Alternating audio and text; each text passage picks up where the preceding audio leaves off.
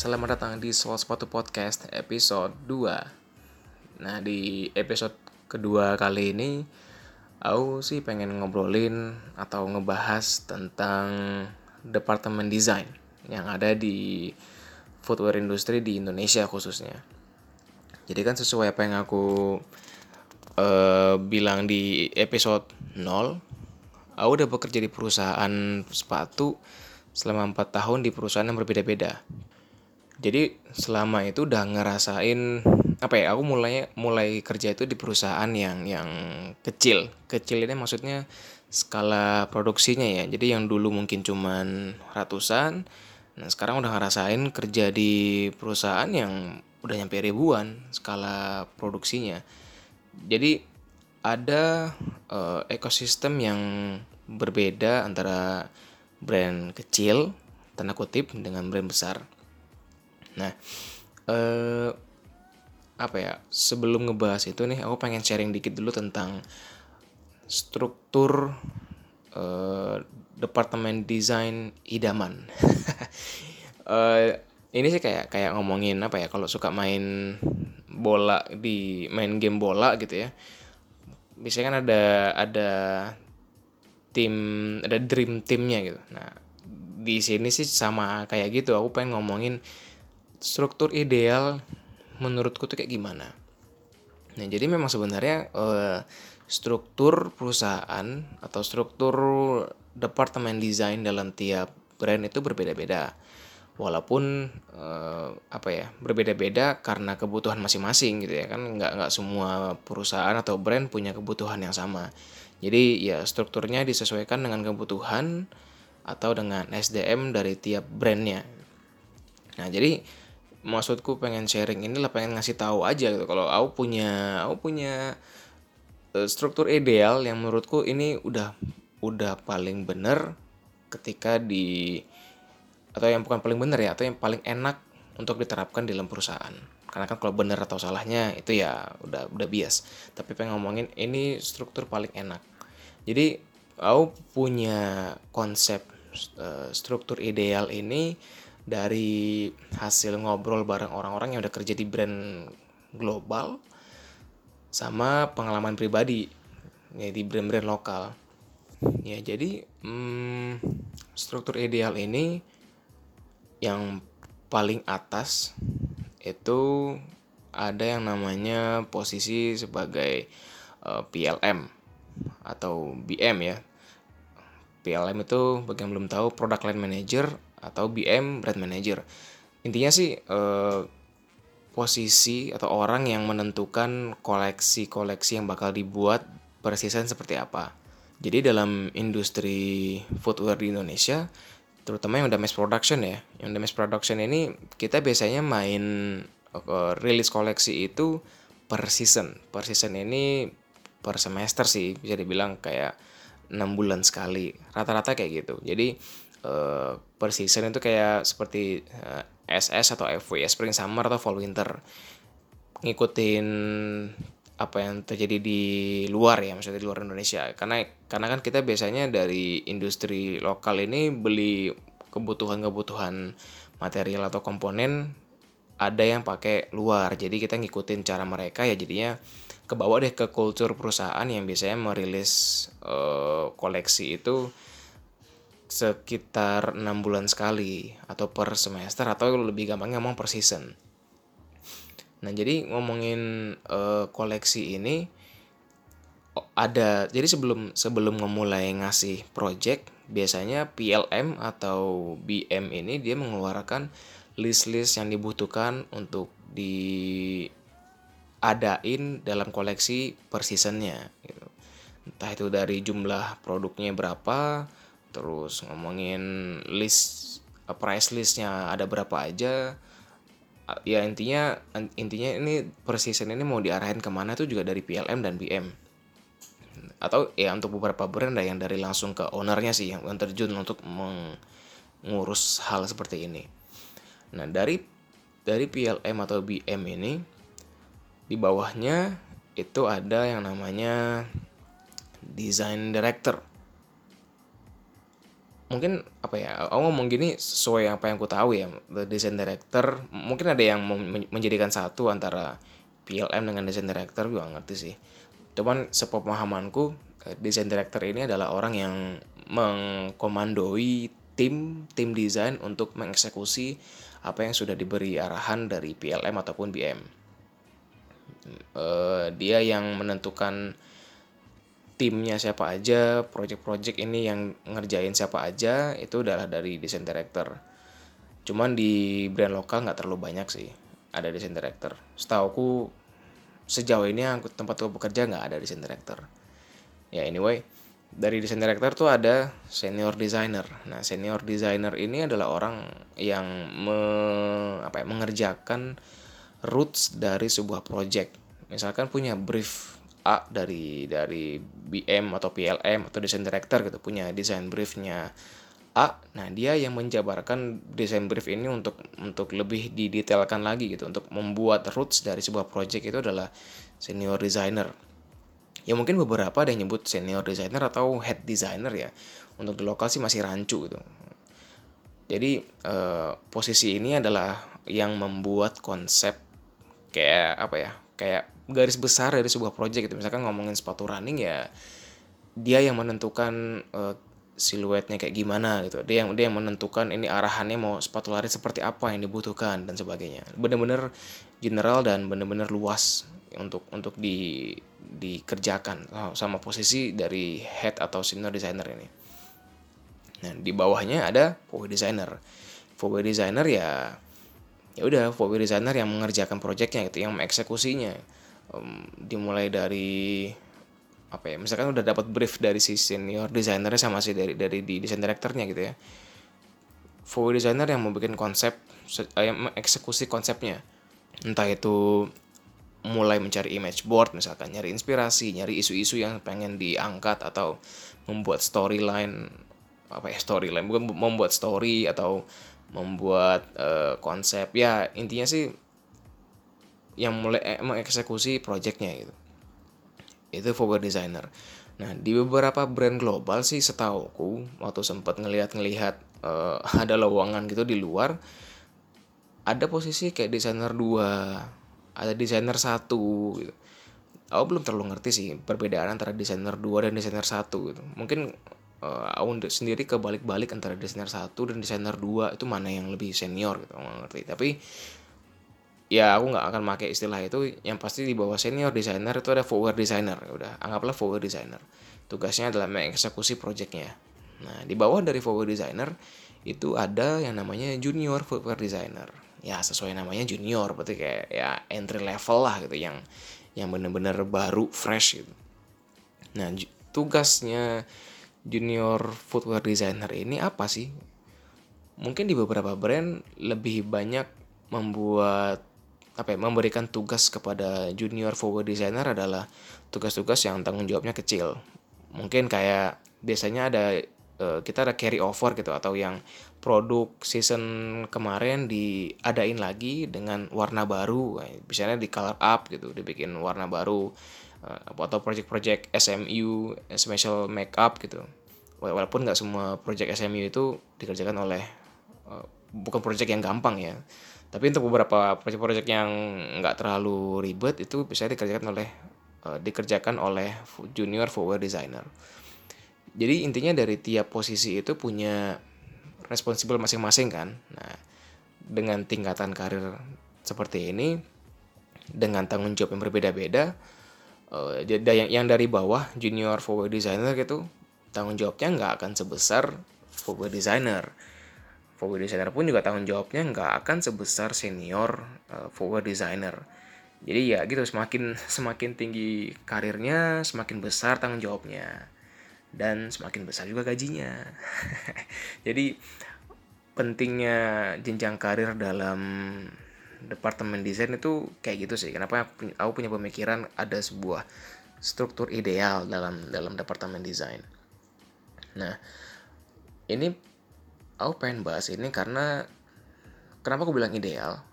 Karena nggak nggak banyak brand di lokal yang menerapkan uh, konsep kayak gini. Ya emang sih emang sesuai sesuai dengan kebutuhan brand masing-masing juga. Itu ya balik lagi nggak harus semua menggunakan seperti itu. Tapi aku aku paham sih hal kayak gitu. Realistis aja. Cuman uh, untuk masalah jenjang karir di footwear ini di footwear industri di Indonesia terutama ya masih bisa dibilang belum jelas gitu secara secara jenjang karir. Ini aku buka buka bukaan aja ya tentang uh, biar ada gambaran tentang profesi ini di di industri ini sendiri gitu. Kebanyakan sih dari dari brand lokal. Yang aku tahu ya uh, kalau aku sih nangkepnya ketika ngomongin jenjang karir itu nggak harus melulu tentang lamanya lamanya dia bekerja gitu misalkan uh, mungkin karena dia udah senior dalam dalam hal usia ya ketika masuk langsung menjadi senior food designer gitu atau karena dia masih bocah gitu misalnya masih baru fresh grad uh, maksudnya jadi junior forward designer gitu. Di brand lokal kebanyakan yang aku tahu ini aku bakal terus bilang gitu ya aku bakal ngomongin yang aku tahu aja gitu. Uh, di brand lokal sendiri sih jenjang karir forward designer masih bisa dibilang belum jelas gitu. Dan dan ketika HR apa ya mencari talent-talent baru ya susah juga untuk mengukur ngomongin masalah gaji ngomongin masalah uh, job desk ngomongin masalah responsibility gitu. Karena ya udah yang namanya forward designer ya udah forward designer that's it gitu. Jadi bisa aja antara sesama forward designer uh, responsibility-nya beda-beda gitu atau atau gajinya bakal gapnya gede banget gitu. Karena ya masalah banyak hal lah. Jadinya agak rancu sih. Makanya aku di sini ngomongin tentang tentang struktur yang ideal itu biar enak. Makanya kan tadi di awal bilang kalau struktur ideal itu adalah sesuatu yang untuk hal yang enak diterapkan gitu. Bukan berarti bagus tapi enak diterapkan. Nah di dalam industri lokal belum banyak yang menerapkan hal itu. Jadinya mungkin uh, anggaplah gini ada fresh grad yang mungkin pengalamannya banyak gitu. Mungkin dia pernah uh, dia pernah magang di mana dia pernah ngerjain project apa dengan beberapa brand misalkan portfolionya bagus banget. Dia secara uh, intelektual bagus secara skill bagus secara pemahaman bagus. Tapi ya namanya masuk jadi forward jadi junior forward designer gitu. Dan kebalikannya mungkin ada orang yang mungkin ya nggak terlalu pintar dalam tanda kutip ya terus nggak terlalu lihai dalam mengerjakan tugas atau nggak terlalu matang dalam problem solving dan segala macam tapi karena dia udah berusia aja jadi ya otomatis jadi langsung jadi masuk senior designer gitu. Mungkin portfolionya berbeda atau apa ya portfolionya nggak sebagus yang junior tapi dia jadi senior karena masalah usia doang gitu. Nah ini sih yang aku lihat hmm, concern dari dari brand lokal sih kebanyakan. Yang aku pernah lihat ya. Mana aku sih dari dulu aku suka ngomong sama sesama teman kerja tuh selalu bilang kayak aku pengen banget nih ada ada jenjang karir dalam industri ini. Karena apa ya biar lebih teratur aja dan biar lebih profesional gitu. Jadi kan ketika nanti ada project itu lebih teratur. Semua tiap-tiap orang itu punya responsibility yang jelas. Tiap orang punya ekspektasinya. Untuk mengukur uh, performance orang pun juga jelas gitu. Gimana orang ini bisa dipromot untuk naik jabatan misalkan. Yang tadinya junior forward designer menjadi forward designer nggak cuman karena oh udah setahun ya di perusahaan naik deh jadi forward designer. Nggak nggak gitu doang. Maksudnya aku pengen aku sih harapannya ada hal yang membuat standar sehingga ketika menilai performance itu ada apa ya ada apresiasi gitu. Ataupun ketika tidak ada menurunnya performance ya menjadi sesuatu yang perlu ditingkatkan atau ditegur segala macam. Jadi lebih lebih jelas gitu. Sejauh ini sih nggak ada. Jadi ya udah pengangkatan pengangkatan atau promosi menjadi jabatan lebih tinggi itu nggak ya setahu aku nggak ada sih di brand lokal Nah, jadi itu sih uh, sedihnya, sisi sedihnya jadi forward designer menurutku ada hal yang perlu dibenahi dalam industri ini. Ya walaupun nggak semua ya brand perlu hal seperti itu ya. Nah eh, ngomongin for industri tadi ngomongin departemen desain curhat dikit tentang departemen desain. Udah menurutku sih ada beberapa tadi ada beberapa posisi tadi ya. Ada yang dari PLM ada yang dari design director senior atau head designer forward designer sama junior forward designer. Masing-masing punya tugas yang berbeda-beda dan tanggung jawab yang berbeda-beda. Nah eh, departemen desain ini bakal ber apa ya bakal terus tektokan sama departemen apa aja sih? Yang namanya sepatu pasti kan bakal dijual ya dan bakal dibikin gitu. jadi tahapnya ada desain dibikin dan dijual gitu. Berarti ya tiga hal ini pertama dibuat desainnya ya departemen desain lalu dibikin direalisasikan itu dengan departemen development. Nah ini yang menarik. Di beberapa apa ya, beberapa orang pemahamannya mungkin ada yang menganggap kalau factory atau pabrik yang memproduksi sebuah brand itu adalah milik brandnya. Misalkan uh, sepatu Nike ini dibuat di pabrik, berarti pabriknya pabrik Nike dong gitu. Enggak. Sebenarnya kalau ngomongin uh, produksi itu baik apa ya pabrik itu adalah vendor, lalu brand adalah buyer. Jadi brand ini membuat sepatu itu dengan order ke pabrik. Jadi dia ya sebagai buyer ke pabrik sama halnya dengan brand besar sekalipun kayak gitu. Makanya kan banyak sepatu-sepatu yang di label size-nya itu ada tulisan made in Vietnam atau made in China, made in UK, bahkan made in Indonesia gitu. Padahal dengan uh, artikel yang sama, tapi beda-beda pabrik gitu nah itu karena ya itu tadi pabrik itu bukan punya brand jadi brand ini berlaku sebagai buyer ke pabrik yang berlaku sebagai vendor dan nggak nggak sedikit eh, sedikit pabrik yang mengerjakan beberapa brand dalam satu pabrik gitu. Itu tuh biasa.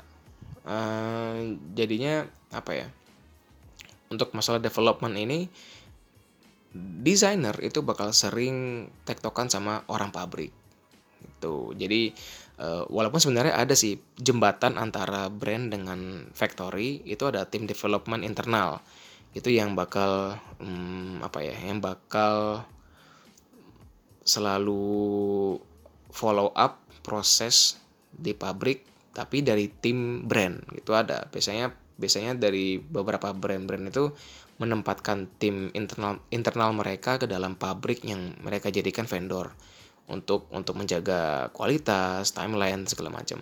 Nah, desainer ini bakal tektokan ke pabrik biasanya itu lewat dari tim development internal mereka. Nah, ntar dari tim development internal ini bakal tektokan lagi ke tim developmentnya pabrik. Tuh. Jadi apa apa yang desainer mau disampaikan ke tim development internal, terus tim development internal brand ini bakal disampaikan ke tim developmentnya pabrik untuk dibuat sesuai apa yang desainer mau. Nah di situ prosesnya. Ya jadi mungkin eh, bagi yang ada yang bingung kenapa sih nggak brand nggak bikin aja pabrik itu biar gampang? Kan repot jadi ada tim development internal sama tim development pabrik terus ada tektokan segala macam jadi repot. Kenapa nggak bikin pabrik aja sih gitu? Sebenarnya bikin pabrik atau kalau di di Bandung ya sebutnya bengkel yang kalau yang kalau yang masih kecil gitu skala-skala home industry bengkel sepatu atau pabrik itu sama aja kayak bikin brand baru. Maksudnya kita punya brand A pengen bikin di pabrik sendiri gitu. Itu karena pabrik kita gue nih itu susah sih. Karena pabrik pabrik sendiri itu punya manajemennya sendiri juga gitu. ketika brand punya manajemen sendiri ya pabrik pun juga perlu manajemen sendiri gitu. Jadi nggak bisa pabrik under brand. Menurutku ya itu bakal sulit sih. Karena karena butuh butuh direktur gitu. Kayak masing-masing butuh direktur brand butuh direktur eh, bengkel atau pabrik butuh direktur juga. Untuk mengelola orang itu kan nggak bisa nggak nggak semudah itu. Makanya jarang sih brand yang punya pabrik. Walaupun aku sendiri pernah kerja di brand lokal lah di Bandung yang punya bengkel sendiri itu ada. Tapi ya itu jadinya jadi repot sumpah repot banget positifnya ketika punya bengkel sendiri adalah uh, untuk catch up atau untuk follow up proses itu gampang karena kan tim sendiri. Tapi ya bakal kerepotan sebagai owner sebagai sebagai manager atau sebagai oh CEO gitu bakal kesusahan sih ngurus dua brand gitu. Antara brand dengan factory itu susah banget. Nah jadinya eh, balik lagi ke tadi ya, departemen desain itu bakal tektokan ke factory melalui tim developmentnya eh, internal dan tim developmentnya pabrik yang bakal ngerealisasiin gitu eksekusinya. Nah ini sih yang uh, aku sih pribadi suka ya ketika ada tektokan bareng development karena kadang inspirasi itu muncul dari development itu sendiri gitu kayak kayak misalnya lagi bikin prototype gitu kan biasanya kalau bikin prototype atau bikin sampel-sampel make material seadanya warna seadanya gitu. Eksekusinya yang yang cuma memperli memperlihatkan bentuknya dulu doang kayak gitu gitu tapi kadang muncul ide-ide yang bagus di situ atau punya feedback dari departemen development tuh punya feedback sendiri yang oh, keren ya gitu. Atau dia punya ide material apa itu yang nggak nggak kepikiran. Aku seneng kalau ngobrol bareng development. Atau ya sederhananya seneng ngelihat apa ya ketika desain kita itu jadi jadi walaupun masih mentah gitu kayak ngelihat anak anak sendiri udah mau lahir gitu seru sih. Enak-enak ngelihatnya bahagia ngelihatnya udah bertahun-tahun kerja di sepatu pun kalau ngelihat sepatu itu udah mau jadi itu tetap pasti ada perasaan senang. Nah, jadi uh, balik lagi dong departemen desain ke departemen development. Nah, jadi ketika sampel sudah jadi, mungkin sudah dites segala macam, nanti akan berhubungan dengan divisi marketing atau sales gitu. Nah, ini yang uh, seru. Seru tapi agak-agak jengkel. itu hal biasa itu. Jadi jadi tiga, tiga, tiga departemen ini ya design, development, sama marketing.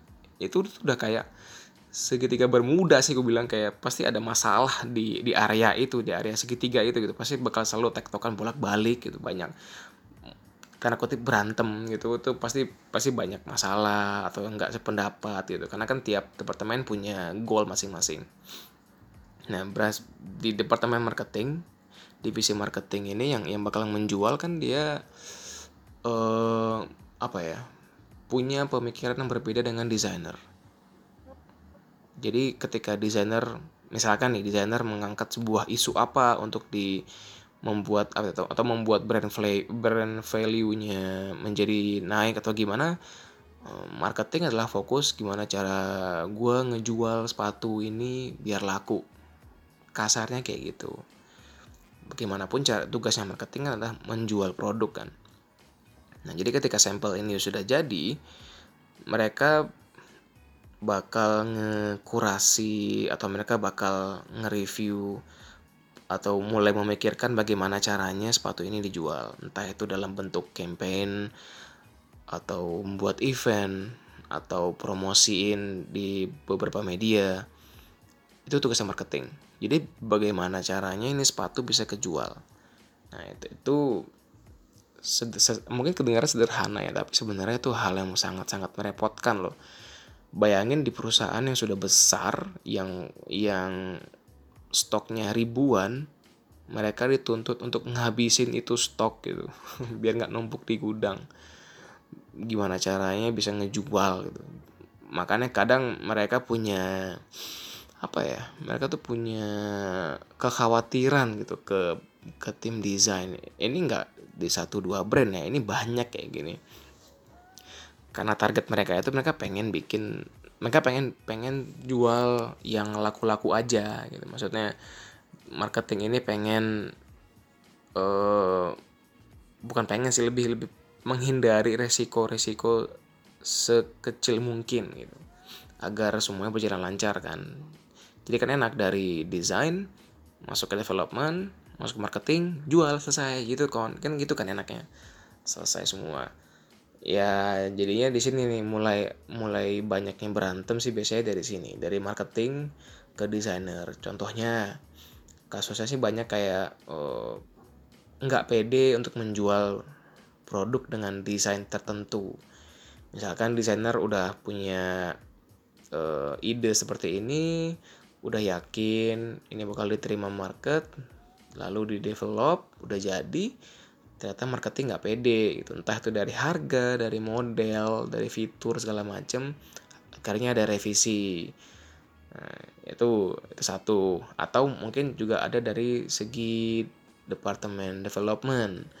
Ketika desainer punya ide tapi ternyata idenya susah dibuat atau perlu effort yang lebih besar rata-rata sih pabrik menghindari hal yang rumit ya karena kan mereka juga punya timeline sendiri gitu. Ya di situ berantem lagi. Tanda kutip ya berantemnya mesti nggak berantem yang uh, eh, non profesional maksudnya ya ya ada ada cekcokan aja gitu. Atau sebaliknya ketika ketika marketing punya kebutuhan sesuatu kebutuhan gue butuh ini gue butuh itu gitu ke desainer gitu. Yang mana sering kali jadi design brief. Nah desainer nggak suka sama idenya itu. Masa lu mau jual kayak gini terus gitu? Misalkan itu kasusnya ya. Ini contoh-contohnya nih kasusnya. Marketing kayak oh ini artikel A laku nih gitu. Bikin bikin lagi dong gitu. Terus desainer nggak mau kayak ya masa mau bikin gini terus gitu. Brand mau dibawa ke mana? Ntar bakal kalah sama brand-brand lain. Nah gitu tuh omongan desainer banget tuh ngomongin uh, brand value ngomongin uh, soul dari sebuah produk. Wah itu desainer banget. Itu yang abstrak banget. Yang, marketing apa sih gitu. gue butuhnya yang bisa kejual itu aja.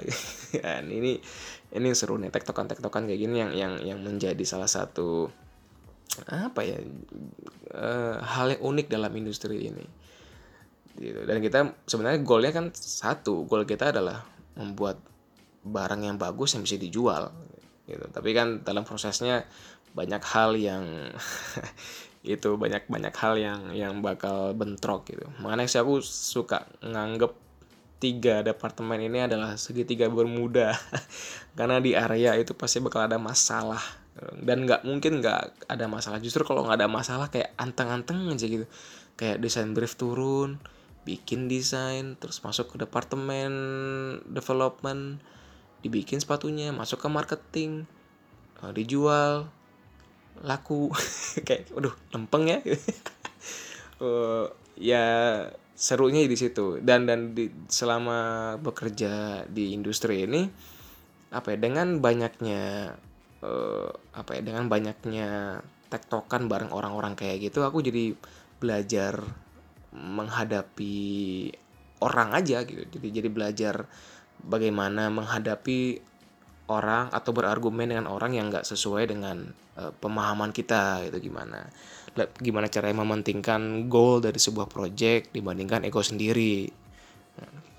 Itu yang yang yang aku pelajarin sih. Seru di situ seru banget. Hmm, jadi tiga departemen ini adalah aku sih bisa bilang departemen inti dari sebuah footwear brand jadi footwear brand itu nggak akan bisa hidup tanpa adanya design, development, dan marketing.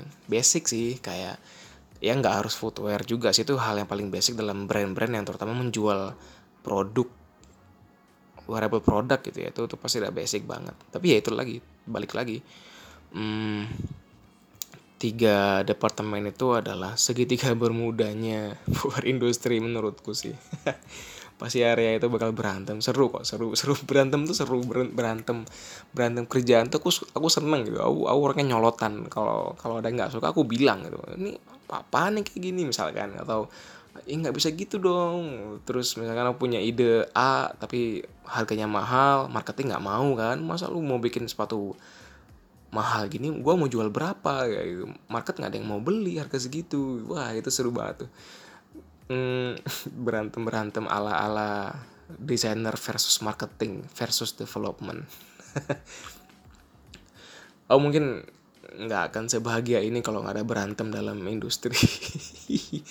Enak enak nah jadinya uh, tiga departemen tadi yang aku bilang tadi adalah uh, core dari perusahaan inti dari perusahaan footwear. Nah cuman ya balik lagi menurut menurutku sih aku bukan yang menganggung-anggungkan profesi sendiri ya. Dan mengesampingkan profesi orang lain. Maksudku uh, yang namanya footwear brand nyawa itu ada di desainer.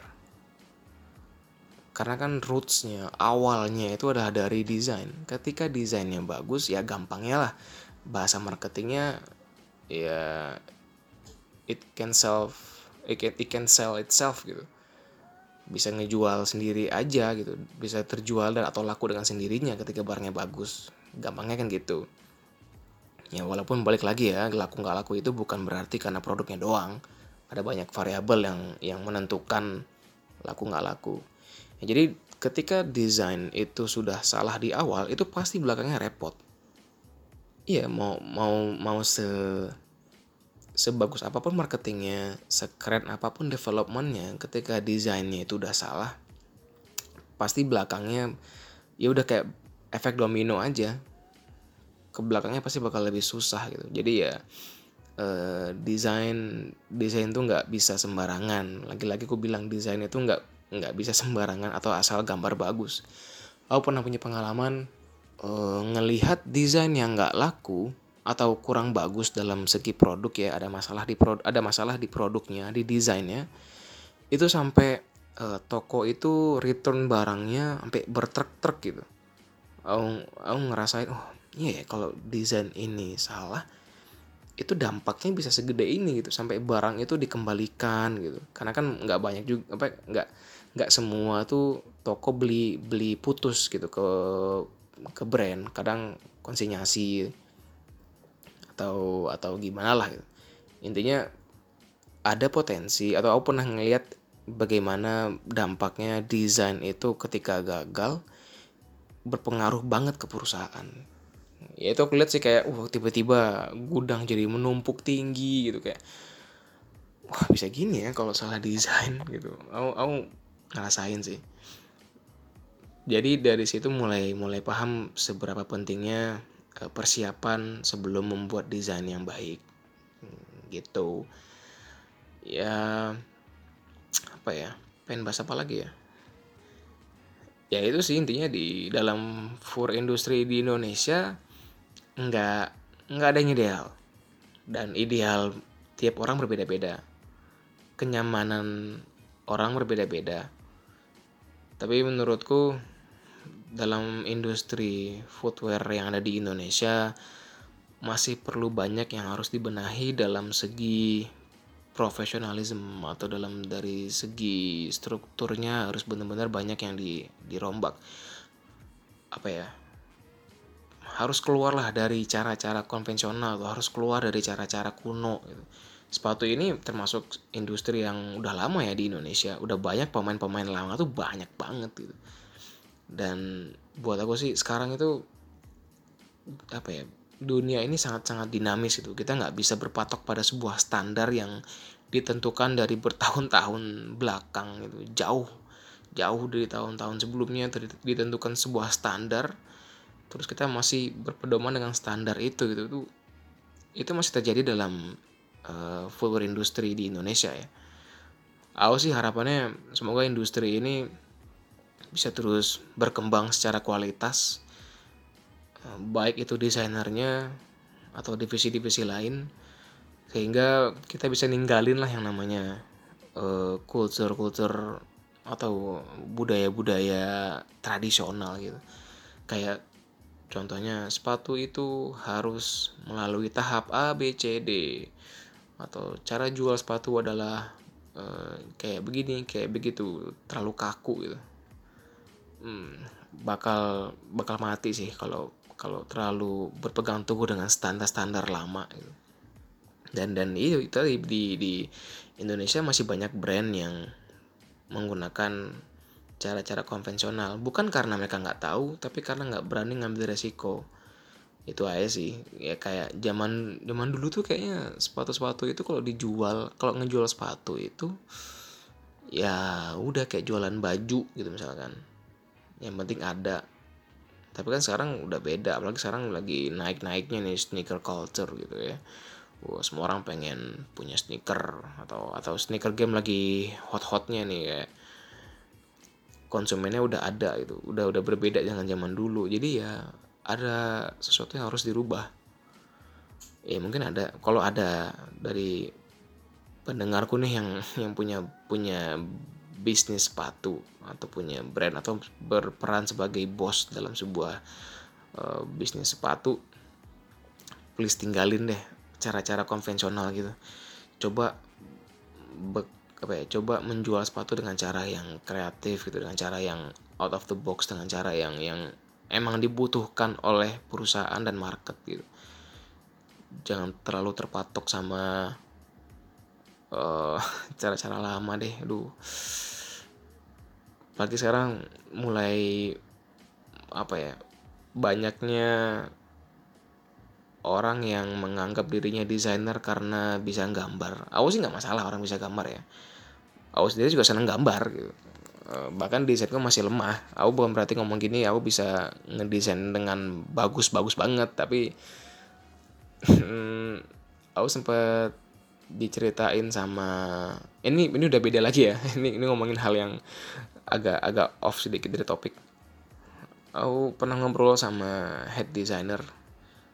Dia dia cerita sih kalau nyari nyari apa ya nyari desainer itu gampang banyak banget gitu. Lihat aja lulusan lulusan kampus-kampus tuh tiap tahun berapa ribu orang tapi nyari desainer yang dibutuhkan di perusahaan itu susah. Itu sih. E, karena karena masih sedikit orang yang aware tentang industri ini. Kebutuhannya itu seperti apa masih sedikit. Ya jadi ya ini juga sih salah satu alasan bikin podcast. Pengen sharing aja gitu kalau industri footwear di Indo tuh kayak gini. Ya anyway buat episode kali ini segitu dulu. Lagi kalau pengen ada yang diomongin ada yang pengen disampaikan atau ada yang pengen ditanyakan tentang topik ini atau tentang podcast ini bisa eh, DM di Instagramku Zikaru atau searching aja Zika Zulfikar. Boleh nanya apa pun tentang industri dan aku coba jawab sebisa aku. Segitu dulu sampai jumpa di episode selanjutnya bye bye